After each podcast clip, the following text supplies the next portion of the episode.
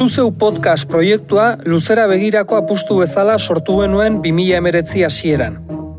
Hiru saiorekin hasi ginen eta orain Euskal Gaizkileak seriarekin lau dira ekoizten ditugun podcastak. Proiektuak entzuleak ditu oinarrian eta entzuleek babesten dute proiektua bera. Horregatik sortu dugu Patreon orrialdea. Audiogintza zuri esker egiten dugulako. Patreon orrialdean hiru arpidetza mota topatuko dituzu. Aukeratu egokiena iruditzen zaizuna, zuzeu podcast komunitatera batu eta proiektua babesteko. Sartu patreon.com barra zuzeupot elbidera eta arpidetu gure edukietara.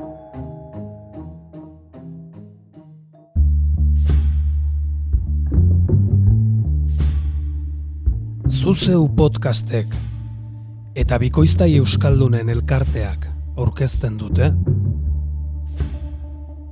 Euskal Gaizkileak seriea Gaur Beizamako krimena Ederra zegonan oiaskoa, Martina. Eskerrik asko arantxa. Egongo ez da, etxekoa dun. Eta gure baserriko hiluek kasek nik baino bekiago jaten diten. Kategorikoa, Martina. Baserria ederki daukan gainera. Aspalditik etorri gabe nindunen. Zukaldea berrituta, hormak margotuta eta tximinia buelta beti bezain goxo. Noski, Manol. Tabernan baino beto gaudek hemen, afalostea egiteko. Ea, zer nahi duzue? Patxarra, whiskia, patxarana? Patxarana, ik egindako alda? Bai, noski. Ekartzan orduan. Bi! Zeinen usainona. Gerturatu basoa. Eh, pizkat gehiago. Eh, pizkat gehiago. Eh, pikin bat. Hor, Beno, egin dezagun topa. Zorionak, Martina, eta urte askotarako. Zorionak, ire urte betetzean zorionak, ta urte askotarako zorionak. Egon adi, Xiri, babua. Ah, ederra. Mm. Asko postu nindunan afaritxo hau egingo huela esan idanean, Martina. Hori bai, bazegon puxka bat errigunetik ona, eh? Zenbaterago beizamatik. Ba, lauzpabost kilometro bai. Bai, lagunen urte betetzeak ospatzea beti dun elkartzeko aitzakia ederra. Gainera, ez dina tinoiz esan Martina, baina ire urte betetzea beti lotzen dinat beste kontu batekin. Abai, zerekin ba. Badakizu ez, zer gertatu zen hemen, beizaman? Duela laro goita urte, baserri honetatik, irureun metrora? Ai ama, gaurko egunean izan altzen. Ze, ze? Korosagastiko hilketak, motel? Ah, Ah, patxaran gehiegi duk edo, edo ze? Nire urte betetze gunean alda orduan urte hurrena. Begira, enekinan? bai, mila bederatzireun da hogeita seiko azaroaren amabitik, amairurako gauean gertatu zituan hilketak. Gaurko gauez, beraz... Eh, txiki txikitatik entzun dinat historia hori. Eta jendea ez dun sekula santan ados jartzen, baserri horretan ze kristo gertatu zen kontatzeko garaian. Nik ederki zakinat ba. zakurraren putza jakingo dunik. Han bestea. Nik ere badinat pa, nire ikuspegia. Listo, badinagu orduan afalosterako gaia.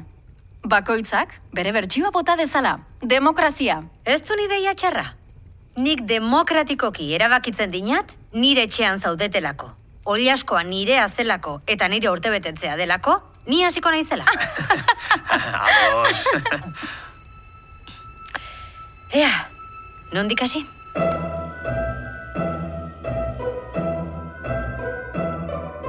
Jacinta Odriozola, tolosan bizidan eskame. Eta zeru txiki tabernan aritzen da zerbitzari. Igandetan, jai ematen diote, eta beti bezala, bere familiaren etxera biatu da. Beizamako korosagasti baserrira. Eguna amarekin eta aizparekin pasatzeko asmoz. Kaixo? Ama, ailegatu naiz. Ama! Maria? Maria? Maria Odriozola, Jazintaren hogeita zazpi urteko aizpa, zerraldo dago, etxeko lurrean ziplo. Ama! Ama! Ama ordea, ez da inondik ageri. Jazinta, garagartza baserriran zabiatu da laguntza eske. Eta bidean, baserritik irureun bat metrora, Ama! Bibiana Azkardi, irurogeita sei urte. Lurrean hilda dago. Kanel, etxeko txakurra aldamenean daukala. Jazintak aurrera jarraitu du korrika, eta Aurrera korrika, ez? Garagartza aldera abiatu bai, baina ama ikustean, buelta erdi hartu eta txapartegi baserrira joan zunan. Arrazoi, gure amonaren lengusina bat bizizuan bertan. Eta hala kontatu zidan ark. Bale! Kanel, etxeko txakurra aldamenean daukala. Jazintari ezinezkoa egin zaio mundura ekarri duen pertsonaren hilotzaren gainetik pasatzea.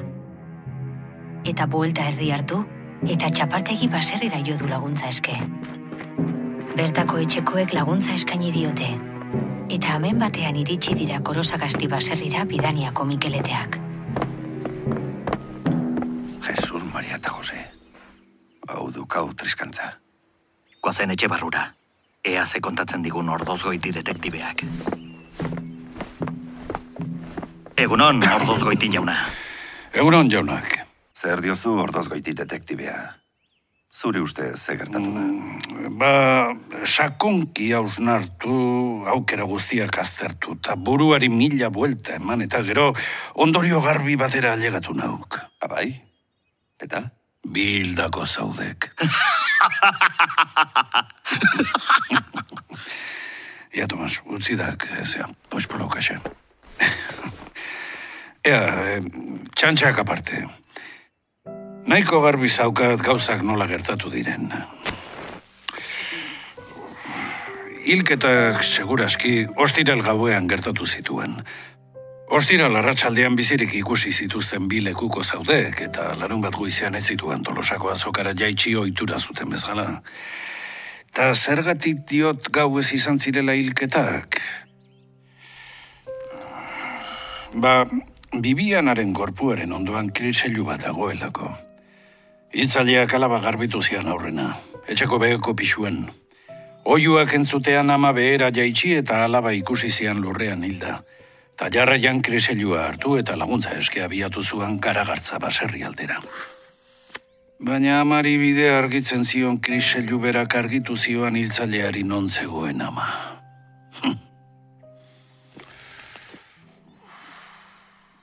Hiltzailea gura ize handi batzuk erabili ditik.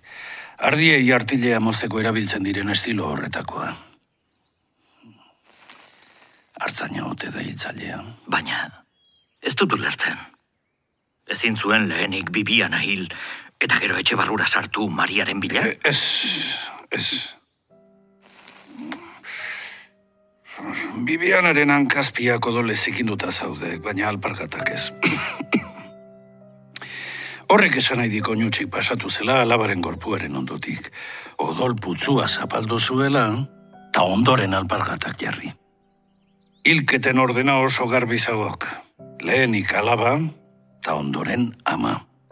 Eta hilketen zergatia? Hor, ia ez zaudek egitateak espekulazioak baizik. Arrazoi bat dirua izan zitekek. Kasoi asko aterata eta armairuak nahaztuta baitaude. Baina ez dik zentzu askorik. Ez baita inguruko baserria berazena, presiso. Maizterrak zituen, eta mila talaren pezeta sortzitiztean. Alare jazinta kontatu digunaren arabera, etxeko txala aste honetan bertan saldu omen ditek, baina etxean ez zago sentimorik ere. Jakizak. Orduan? Denbora beharko diago, Alejandro. Denbora ikerketa eta galdera asko egin.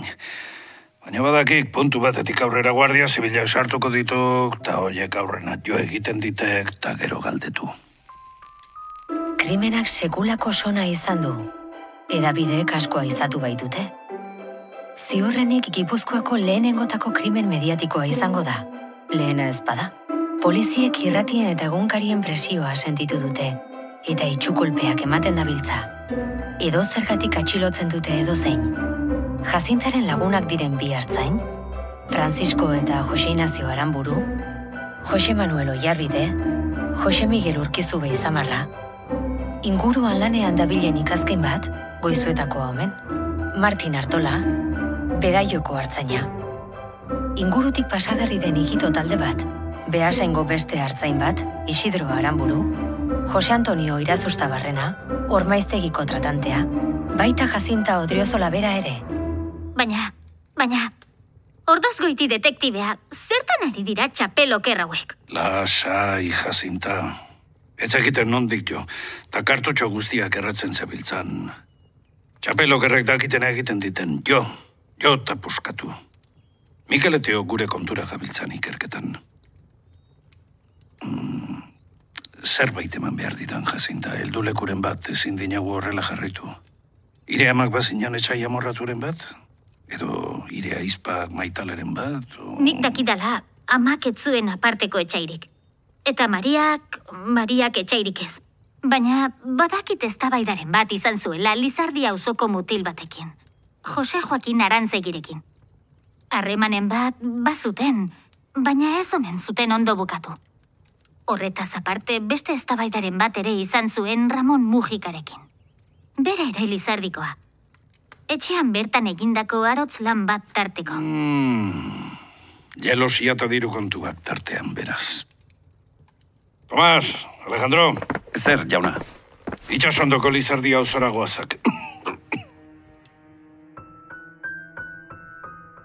Lizardi behekoa eta Lizardi erdikoa baserrien artera iritsi dira Mikeleteak eta ordozgoiti detektibea. Berak diseinatu du estrategia. Bi Mikeleteak arantzegitarren baserria vigilatzen ari dira. Eta bera, mujikatarrena. Bi ordu zelatan aritu eta gero elkartu dira. Mujikatarren etxeko gehienak soroan zabiltzak lanean, eta etxean amona eta alaba bakarrik zaudek, sukaldean. Arantze gitarren etxean, gehienak ere kanpoan. Ama eta amona bakarrik zaudek. Bueno, hause duk plana. Zuek biok joan mujikatarren etxera. Ni arantze gitarrenera joango nauk. Bi etxeetan batera sartu ezkero inorkeztik astirik izango frogak desagertarazteko. Bai, jauna.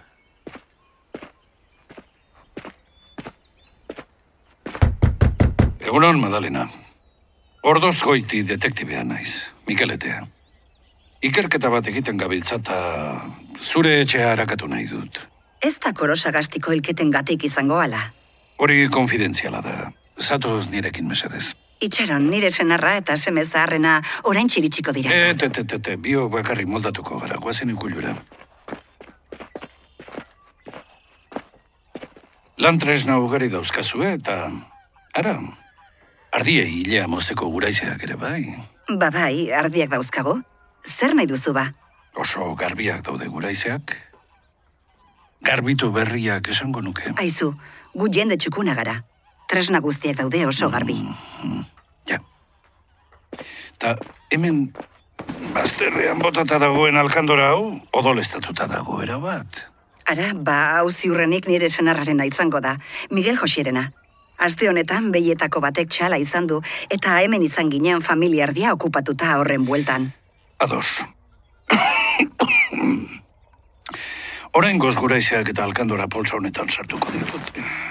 Guazen, guazen goiko geletara.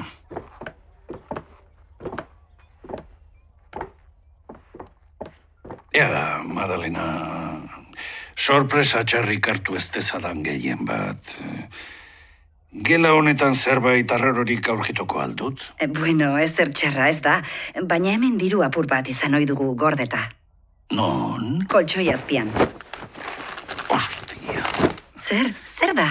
Diru apur bat? Apur bat? Hemen dirutza dagota.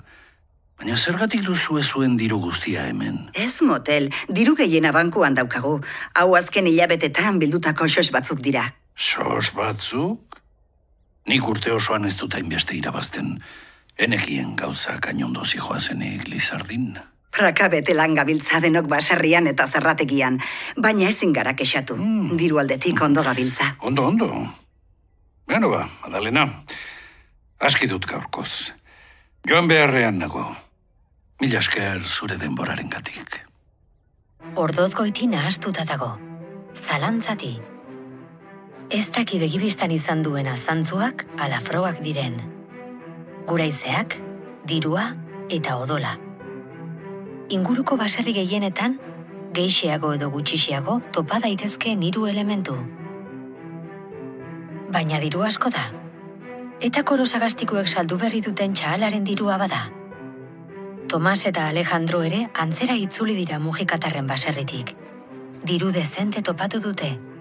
Eta etxekoak urduri xamar nabaritu. Baina noski, korosagastiko hilketak direla eta inguruan zabaldu den izuarekin ulertzeko modukoa da. Guardia Zibilek informazioa lortzeko urrestilako ume batzuk torturatu dituztela dioen zurrumurru bat ere zabaldu da, pentsa? Ordozgoitik, garbi du egin. Datu objektiboekin bakarrik joka dezake. Topatu duenaren berri emango dio kasuaren ardura daukanari. Marrokin epailea. Marrokinek zitazio bana bidali du lizartiko bi baserrietara. Azpeitiko epaitegian aurkezteko eskatu digute. Zer egingote digute, Miguel Jose? Lasai egon zaitez. Orain denekin dabiltza horrela.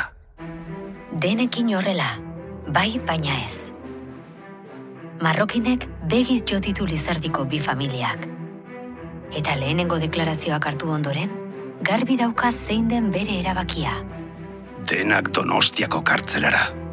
Arantzegiterren etxetik, Miguel Jose Aita eta bere seme alabak. Jose Joaquin, Fermina, Jose Painaxi, Jose Antonio eta Luzia. Mujikatarren etxetik, Bixente Mujika nagusia, bere anaia Ramon eta alaba, Maria Josepa. Bederatzi lagun denera. Bi etxeetako amak, Madalena eta Dominika ez zituzten atxilotu. Eta biak edatekoak zirenez, haien alabarik azteenak etxean utzi zituzten amei laguntzeko. Guardiak! Entzun ondo esatera noana. Korosagastiko hiltzailea atxilotuen artean dago. Eta bai bai, jakingo dugun orden. Jarri bakoitza ziega batean, eta ez dezatela inoiz horma konpartitu. Nekatu daitezela, gozetu, desesperatu, eta hemendik egun batzuetara etorriko nahi zerronda bat egitera. Esan eta egin, lau egun beranduago itzuli zen marrokin, eta aurrena Ramon Mujikaren gana jo zuen. Ramon, ze moduz? Itxura ederra daukak. Gustatzen zaik gure hotela? Entzuntzak, zerbait gogor samarra kontatu behar diat. Zera, ire hiloba. Bueno, ire hiloba. Ire hiloba izatea zaparte, ire emazte ere baduk, ezta? Azen azka eman didatzuen beti euskaldunak eta zuen endogamiak. Borboiak baino okerragoak zarete. Nondik ni joan? Ah, bai. Ire emazte, iloba eta ire anaia? Joan egin zaizkikok. Nola joan? Joan, badakik. Denbora gehitxo burua urazpian sartuta edo gaizki emandako kolpe batek organu bat mugitu edo badakik eskua joan zaiek. Garbi esango diat, Ramon. Korosagastikoa nork egin zuen esaten badiguk. Bizirik aterakoa izemendik. Beno, nik nahiako diatil, gezut bat esan baino. Laster erorikoa izalua. Bizente, ekarri Bizente Mujika ona. Bizente, Ramonekin aritu nau perriketan. Oso iztuna du kire anaia badakik? Gauza batzuren batzuk kontatu zizkidak. Baina, beno, biokadoz daudeten jakiteko, ire bertsioa entzun behar diat. Ea, hemen ditiat pronto arkatza eta papera. Bota, nork egin zuen korosa gastikoa. Nik ez daukat zer ikusirik hilketa horrekin, jauna. Eta ez dakite zer. Ez, eh? Eta marrokin epaileak, eskuan zeukan arkatza bere indar guztiekin heldu, eta kokotxaren azpitik gora jo du Bixente. Eskerrak ez dion zainen bat harrapatu. Bestela, zerraldua izango zen. Kalean dagoen anabasa sekulakoa da. Edabide askok eriotza zigorra eskatzen dute. Baina jende askok atxilotuak errugabeak direla sinesten du. Atxilotuak izan zirenean, lizartikoek soroak karia ereiteko zeuzkaten. Baiarako baserrietatik lagun bana edo bina joan dira auzolan deialdira. Eta soro guztiak laiatu eta erein dituzte. Baita ganadua zaindu ere. Azpeitian, atxilotuak epaitegira eraman behar dituzten egunean, Bimila lagun elkartu dira epaitegi aurrean. Eta manifestazioa eta guzti egin dute. Eh, Tomas! Alejandro! Zer nahi duk, Fermin? Mikeleteak ere txakurrak zarete! Kamula hostia! Marrokin epailea, ez da amore ematen duten horietakoa. Arantze gitarrek zerrategi bat daukate. Bertan semeetako batek egiten du lan, Martinek. Eta bere sozioa da legorretako Francisco Lasa. Zerrategia familiaren diru iturri nagusia da. Istera behartzen baditugu. Agian orduan estutuko dira, eta norbaitek hitz egingo du. Marrokin epaileak ez du lortu nahi duena. Eta hori gutxi balitz, Martinen eta Franziskoren atxiloketak soka beltza ekarri du atzetik. Juan Lasak, Franziskoren anaiak, amala mila duro inbertitu zituen zerrategian. Eta anaiak hartzelan eta zerrategia itxita daudela ikusita, dirua bueltan ikusteko etxaropena galtzen hasi da. Gatazka korapilatu eta hilabeteak igaro ala, geroz eta okerrago dago joan. Harik eta egun batean, legorretako beroztegi bailaran daukaten errotara abiatu, eta ondoan dagoen Kastila baserri zaharreko ganbarara igoden arte, aurki bat inguratu, soka bat sabaiko zuta bekainetik pasa, lepo bueltan jarri eta... Juan! Ez!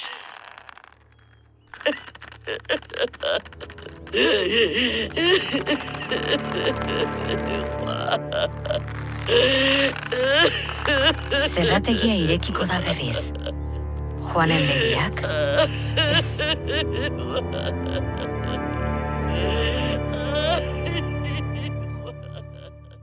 Iritsi da epaiketaren eguna, mila bederatzieun da hogeita zazpiko maiatzean. Ez denak batera, baina azkenean guztiak askatu dituzte. Guztiak absolbituta, froga faltagatik. Itxasondon sekulako omenaldia eta ongi etorri bazkaria egin diete.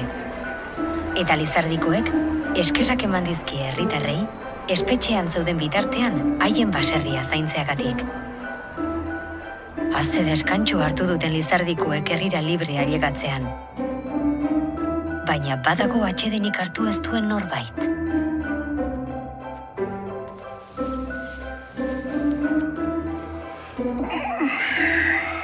Orduzkoiti detektibeak lanean jarraitzen du. Ados, ez dira lizardikoak izan. Baina orduan, nork hilditu korosagastiko ama alabak. Amazazpi urte beranduago, mila bederatzieun da berrogeita lauan, Ona Agustina Baiza kotxean doa itziarko santuaran baserrira. Dei bat jaso berri du esanez, etxe horretan badela norbait hiltzorian. Giza gaixoaren izena, Luciano da. Ez izena, Mekatxiz. Jaun goikoa Gabon, Luciano. Gabon berori on Austin. Prez zaude jaunaren besoetan agur esateko mundu honi? Bai, jauna. Ez diot inoiz beldurik izan eriotzari. Harinego pasatuko zara beste aldera zure bekatuen aitortza nirekin egiten baduzu, Luciano. Tratantea izan zara. Amaika istilutan sartuta igaro duzu bizitza. Eta jendeak beldur handia izan dizu. Ziur baduzula zer konfesatu. Gauza asko naustin. Baina niri etzait denbora asko gelditzen. Eta ez diot berorri ere denbora gehiegi kendu nahi. Bi pekatu aitortu nahi ditut. Badaki, ondoko baserrian morroi aritu zen mutila Ameriketara joan zela. Eta arrezkeroztik ez dutela bere berririk izan. Bai, bai, amak amaika gutun bidali eta amaika dei egin zituen, itxasoaren beste aldera, bere semearen bila. Ingelera ere ikasi omen zuen. Ba, mutilura, etzen inoiz iritsi Ameriketara. Etxetik irten zen goizean, bidean harrapatu nuen, eta bidaiako dirua kendu nion. Bere gorpua urteagako aitzuloan topatuko duzue. Jesus, Maria eta Jose. Baina, nola, nola? Ta bigarrena nik innituen kolosagastiko ama alabak beizaman. Baina, orduan itxasondoko haiek? Errogabeak.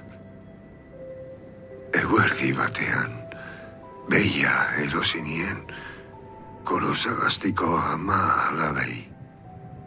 Eta gauean, etxera itzuli nintzen dirua lapurtzera. Enuen niño lintzeko asmorik, baina alaba esnatu zen, eta atzetik ama. Ardiei, ia mosteko gura ize hoietako batzuk erabili nituen. Arreta, hartzain batengana bideratuko zutelakoan.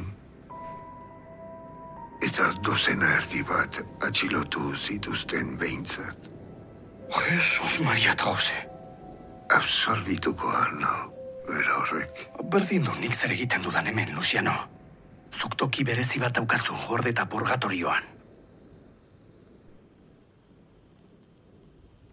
Beti esan dinat, istorioak kontatzeko habilitate berezia dunala, Martina.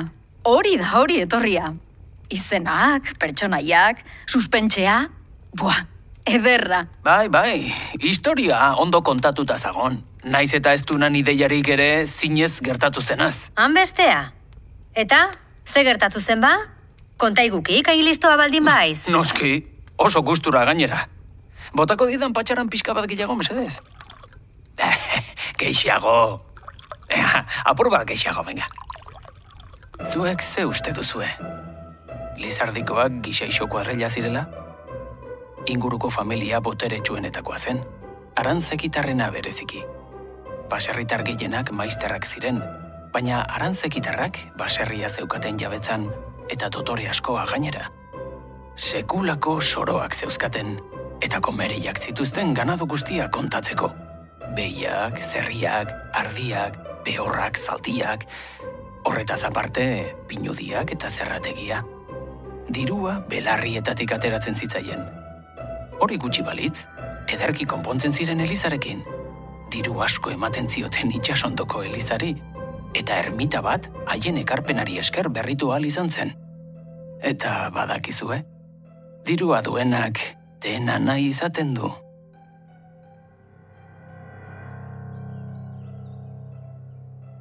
Ai, Maria, Maria, korosagastiko alaba ederrena. Bilutxik, arelirainagoa aizgero. Niri ez da klausengurik bota, hipokrita alako horrek. Aizan, ze gertatzen zain baina. Ez aldun ondo pasatu nirekin noean. Ba, etzak pentsa. Baino ez dukori kontua. Nik jendearen begirada txarrak jasan behar ditiat. Nire bizitza, nahi dudan bezala bizi dudalako.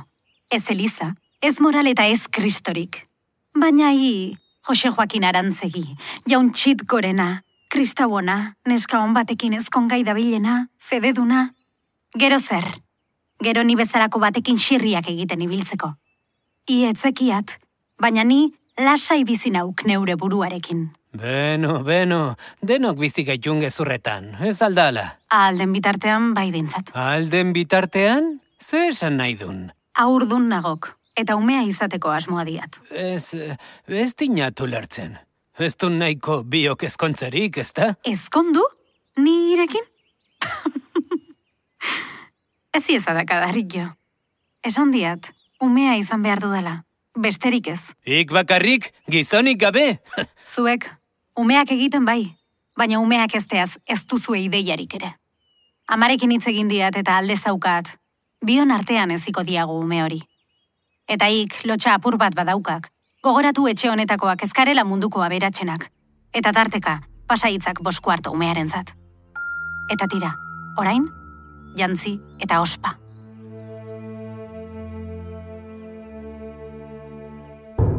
Arantze gitarrak oso kristauak eta oso fededunak dira.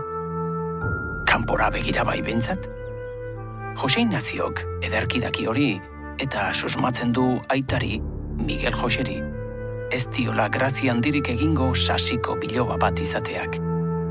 Izateak baino gehiago, uneren batean, jendeak jakiteak.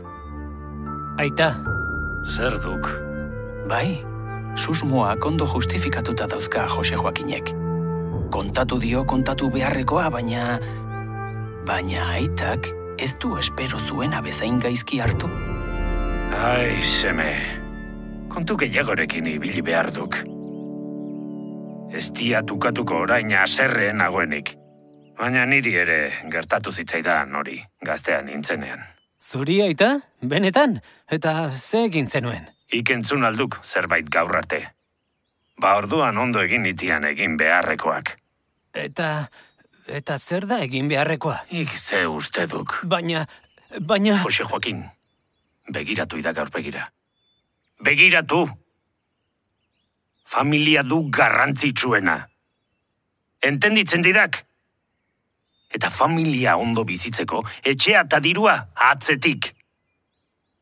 Elizaren bedeinkapena diegu negozio askotan, Jose Joaquin. Eta trapuzikinak aizatzen hasizkero, garestiago ordaindu beharko diegu, bere bedeinkapena. Ik ez duk barrenik gauz hauetarako, bazekian nik hori. Irean naia Jose Antoniok eta biok egingo diegu. Jose Antonio, jantzia di, atera beharrean gaudek. Ha, eta hartu itzak ukuilutik, ardie hilea mozteko gura Aita semeek dituzte Bibiana eta Maria. Eta aita semeen artean gorde dute sekretua. Miguel Jose, Jose Joaquin eta Jose Antonio Zaparte inork ez daki ezer Lizardin. Eta horrela jarraitu du ordoz goiti detektibearen bisita eta gero ere. Azpeitiko epaitegian aurkezteko eskatu digute. Zer egingote digute, Miguel Jose? Lasai egon zaitez, orain denekin dabiltza horrela. Mojikatarrak torturatu zituzten, baina arantze gitarrak ez? Hori zergatik dela uste duzue. Elizak bere ariak mugitu ditu, bai espetxean, bai epaitegietan eta bai edabidetan. Diario Basko egunkariak Lizardikoen errugabetasuna defenditu du hasieratik, naiz eta frogek aurkakoa zioten, eta azkenean Marrokin epaileak ere atzera egin du. Ordozgoiti detektibeak ez du ezer ulertzen. Baina zergatik, marrokin jauna? Bat, etxean duten diru kopurua ez da normala. Bi, alkandora bat odoletan blai zeukaten etxean. Eta hiru, ardie hilea mozteko gura garbi-garbi zeuden naiz eta inguruko lantres guztiek hauts kapa bat zeukaten. eta gainera, arantze gitarren seme zaharrenak eta Mariak eh, harreman bat zeukaten jazintak esan zigunez. Korapilo gehiagi daude hemen. Artu diat nire erabakia ordoz goiti. Kasua itxitatzeko. Nola egongo da itxita? Bi hildako dauzkagu, eta hiltzailerik ez. Ordoz goiti detektibea itxasondora hurbildu da Lizardikoak askatu eta ongi etorri jaia egin dieten egunean. Egunon, Miguel Jose. Ordoz goiti detektibea? Nolatan zu hemen? Zorionak emateran atorkizu. Enuen uste libre aterako zinetenik. Bai? Baina eskerrak azkenean justizia egin den, ezta? Bueno, denetariko iritziak daude. E, pospolorik baduzu? Tori. E, hori bai. Odolez blai zegoen zure etxeko alkandora garbitzea, arantze gitarren izan ona garbitzea baino errazagoa izango da. Egun ona pasa, Miguel Jose. Ziur berandu baino lehen egongo garela. Miguel Joserentzat obsesio bat bilakatu da familiaren izen ona garbitzea. Prentsa gehienak seinalatu ditu, pisuzko frogak izan dira haien aurka, eta gainera, poliziak ez du hiltzalia topatu. Gipuzkoa osoko elizetan zeuzkan lagunak Miguel Joseek, eta banan-banan, konfiantzazko apaiz gutxi batzuk alertan jarri ditu. Amazazpi urte luzez egon behar izan da zain, baina azkenean Ara, on Agustin. Nola zu hemen ez ordu hauetan? Itzi hartik nator zuzenean, Miguel Jose. Aspaldi eman zenidan errekadua dakart. Itzegin baixu, goazen ukullura. Ze, ze gertatu da? Itziarko santuaran baserritik nator. Luciano hilda. Luciano, mekatxiz? Bai. Eta? Ondoko baserriko morroi bat hil zuela aitortu dit. Eta bihar polizia badaramat gorpua utzi zuen aitzulora. Ziur bertan agertuko direla ezurrak. Bai, bai. Hori da. Beizamako ere konfesatu zidala esan dezaket. Korosagastiko hilketak hiltzaile baten bizkarri hartzea litzateke mundu guztiak irentziko du. Bai, bai, azkenean. Hau zuretzako da, Agustin. Baina, baina, zenbat diru dago hemen? Ziur nahikoa ez dela izango, adiskide. Ez daukat nahikoa diru zure laguntza pagatzeko. Konta ezazu historia igandeko mezan, eta zabaldu dadila berria lau izetara. Zoaz, inor esnatu baino lehen. Eta ez ahaztu, polizia eta bereziki ordozgoiti, detektibe alu hori, zure gana hurbiltzen bada, galderak egitera, esan konfesioak sekretupekoak direla, eta ez duzula, ez erra itortuko. Bai, Miguel, mila esker. Honekin nire bizia konpondu dut jada. Mila esker zuri, lagun.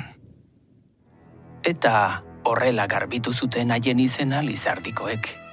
Gainera, mila bederatzi da berrogeita mairuko uoldeetan sumarioa desakertu egin zen, eta urak dakarrena, urak daroa. Baina, baina, hori du kastakeria piloa. Epaileak errugabetu zitian lizardikoak.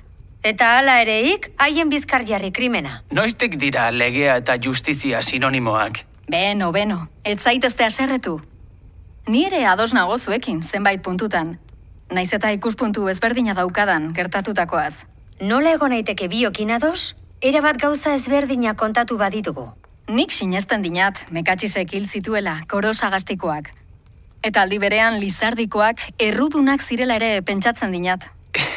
Ikestakin txapel batekin ezin direla bi buru estali? Nola ez ez? Entzun ongi. Badakizue nolakoa den Euskal Herria hogei garren mende hasieran. Katolikoa. Oso katolikoa. Jainkozalea. Eta zurruna. Baina aberatsak hoien guztien gainetik bizi dira. Gizonezko aberatxez zari naiz noski. Putetxeak ez daude guztien biztan. Eta korosa gazti baserria toki zinez aproposa eta diskretua da horretarako. Zakurraren ipurdian baitago, basoan, ezkutuan. Ara, Jose Joaquin, berriz ere ona. Aizak, enaukiretzako bakarrik bizi. Ator! Maria emagaldua da. Eta Bibiana, ama, proxeneta. Korosagaztitik pasadira enpresariak, poliziak, eta baita apaizak ere. Baina sexua eta isiltasuna ez dira korosagastikoek eskaintzen dituzten zerbitzu bakarrak. Izan ere, jauntxuek neskame, sukaldari eta dontzeilak kontratatzen dituzte metxerako. Neska oso pobreak eta oso ederrak. Sexu harreman ugari izaten da alako etxeetan, behartuta. Bortxaketen ondorioz, askotan, neskameak aurdun geratzen dira. Eta dakizuen bezala, abortu kontuak ez daude oso garatuta. Tripa disimulatu ezina denean, neskame hoiek korosagastira eramaten dituzte. Harik eta... Egin bultza! Bultza! Burua ikusten dio. Tira azkena!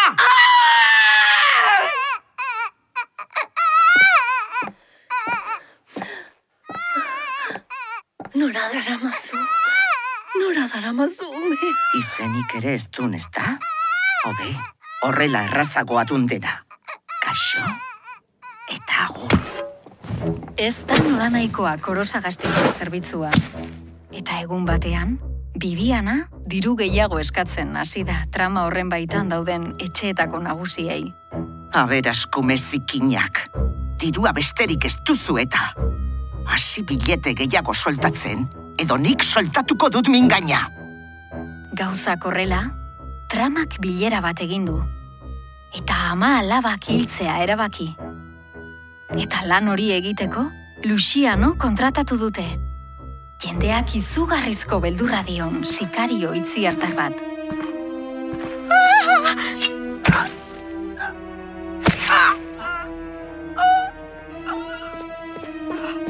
Maria!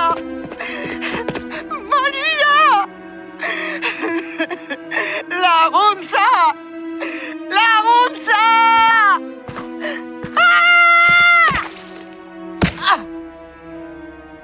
Diotenez, hogei umeren ezurrak daude lurperatuta korosagasti baserriaren inguruetan. Bueno, baina nora joan naiz? Ze, hain konspiranoikoa iruditzen altzaizue ba. Ze uste duzue, ez zirela horrelakoa gertatzen? Nire amonaren aizpa, neskame ibili zen dirudunen etxe batean, eta amaik aldiz bortxatu zuten. Eta behin ukuluan, oliasko ezurrak aurkitu omen zituen. Oliasko ezurrak? Zakurraren girindilak. Bertan hil zuten ume jaio berri batenak ziren. Beno, hiru historia erabat ezberdin kontatu ditugu. Baina ziur naiz, gauza batekin gaudela guztiok ados.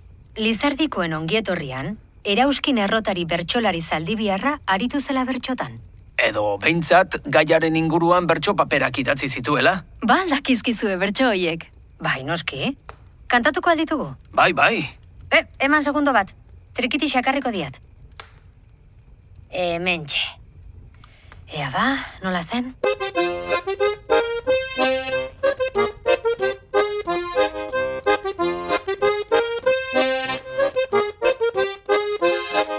Hauxen da era etorri dana bertso batzuek hartzeko Kulpari gabe preso egon dira itxasondo tarrantzako Letra bat ez da izango gero inorro ofenditutzeko. Eskerrak onak lege gizonak zeuskatela libratzeko Mila zondoren bederatzien, oita zaigarren urtian, azaroaren amalauean, egun seinalamentian, negargarri bat gertatu zana, gipuzkoako partian, beizama herriko koro sagasti, baserri etxe batian. Etxe horretan bizi ziraden, amatala babakarrik, lanean zintzo saiatzen ziran, egin gabetan oporrik. Egun horretan arkitu ziran, biak hilda otziturik. Euskal Herrian ez da gertatu, askotan horrelakorik.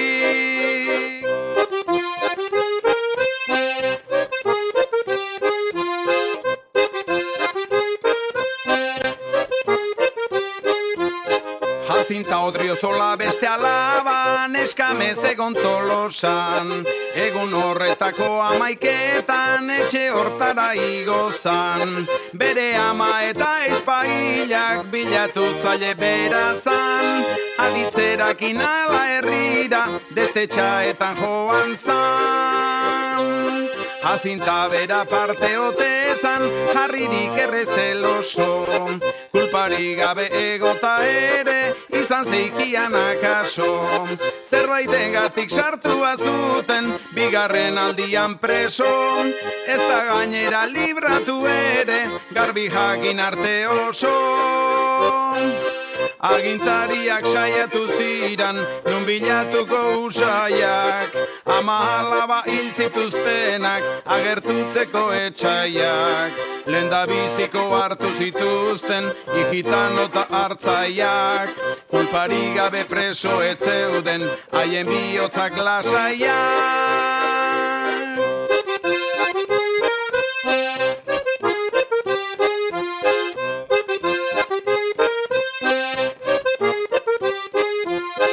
Handigurrena itxasondoko lizarditara jozuten Aurrean hartu azpeitiako kartzelara zuzen zuzen.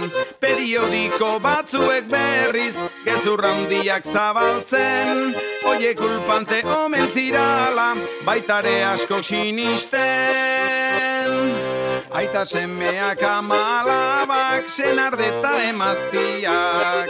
Izan dituzte oso garratzak, gauta egun jaita hastiak. Kulpari gabe eraman behar, oin beste pena tristiak. Orain etxean libre daudeta, aztu bitzaie guztiak. Ondo dakigu biltzaile hoien, bila zorroz da biltzala. Denok nahi dugu gaizki egina, garren argitu ditzala. Merezi duta biziak endu, edo betiko itzala. Kulpa preso egotetikan, jainkoak libra gaitzala.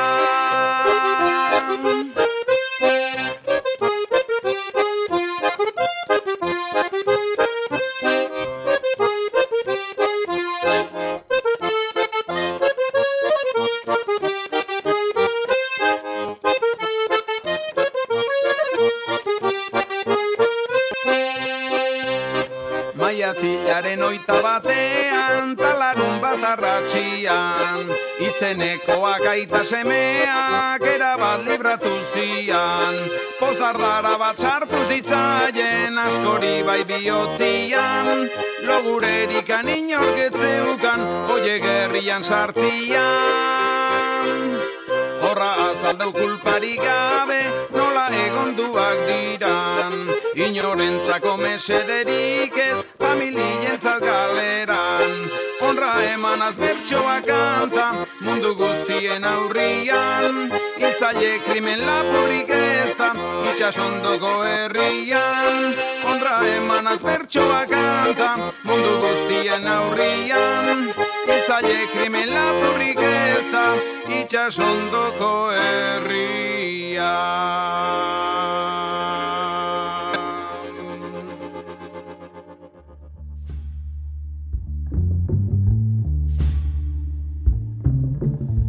Euskal Gaizkileak seria, zuzeu podcastek eta bieusek bikoiztai euskaldunen elkarteak ekoitzitako lana da. Lantalde handia dago atzean. Zuzendaritza eta gidoia, Peñat Jatxenbarek. Soinu eta musika diseinua, Inigo Etxarri, In Estudioa. Bikoizketa zuzendaria, Xavier Alkiza. Ahotsak Xavier Alkiza Iker Bengoetxea Joseba Sakristan Mikel Garmendia. Ane Gabarain. Ramon Zalakain Kiko Jauregi Maider Gorostegi Clara Badiola. Mikel Fernández. Candido Uranga. Jose Cruz Gurrutxaga Iñaki Beraetxe Aner Narbaez, Arantxa Moñuz, Aintzane Gamiz, Arrate Hernández, Nagore Irizar eta Judit Uegun. Musika, Erauski Inerrotariren bertsoak Joseba Tapiak serie honetarako propio musikatuak. Abestiaren grabaketa eta teknikari lana Rafa Rueda. Jarrai gaitzazu abildua zuzeu pot eta abildua gaizkileak kontuetan.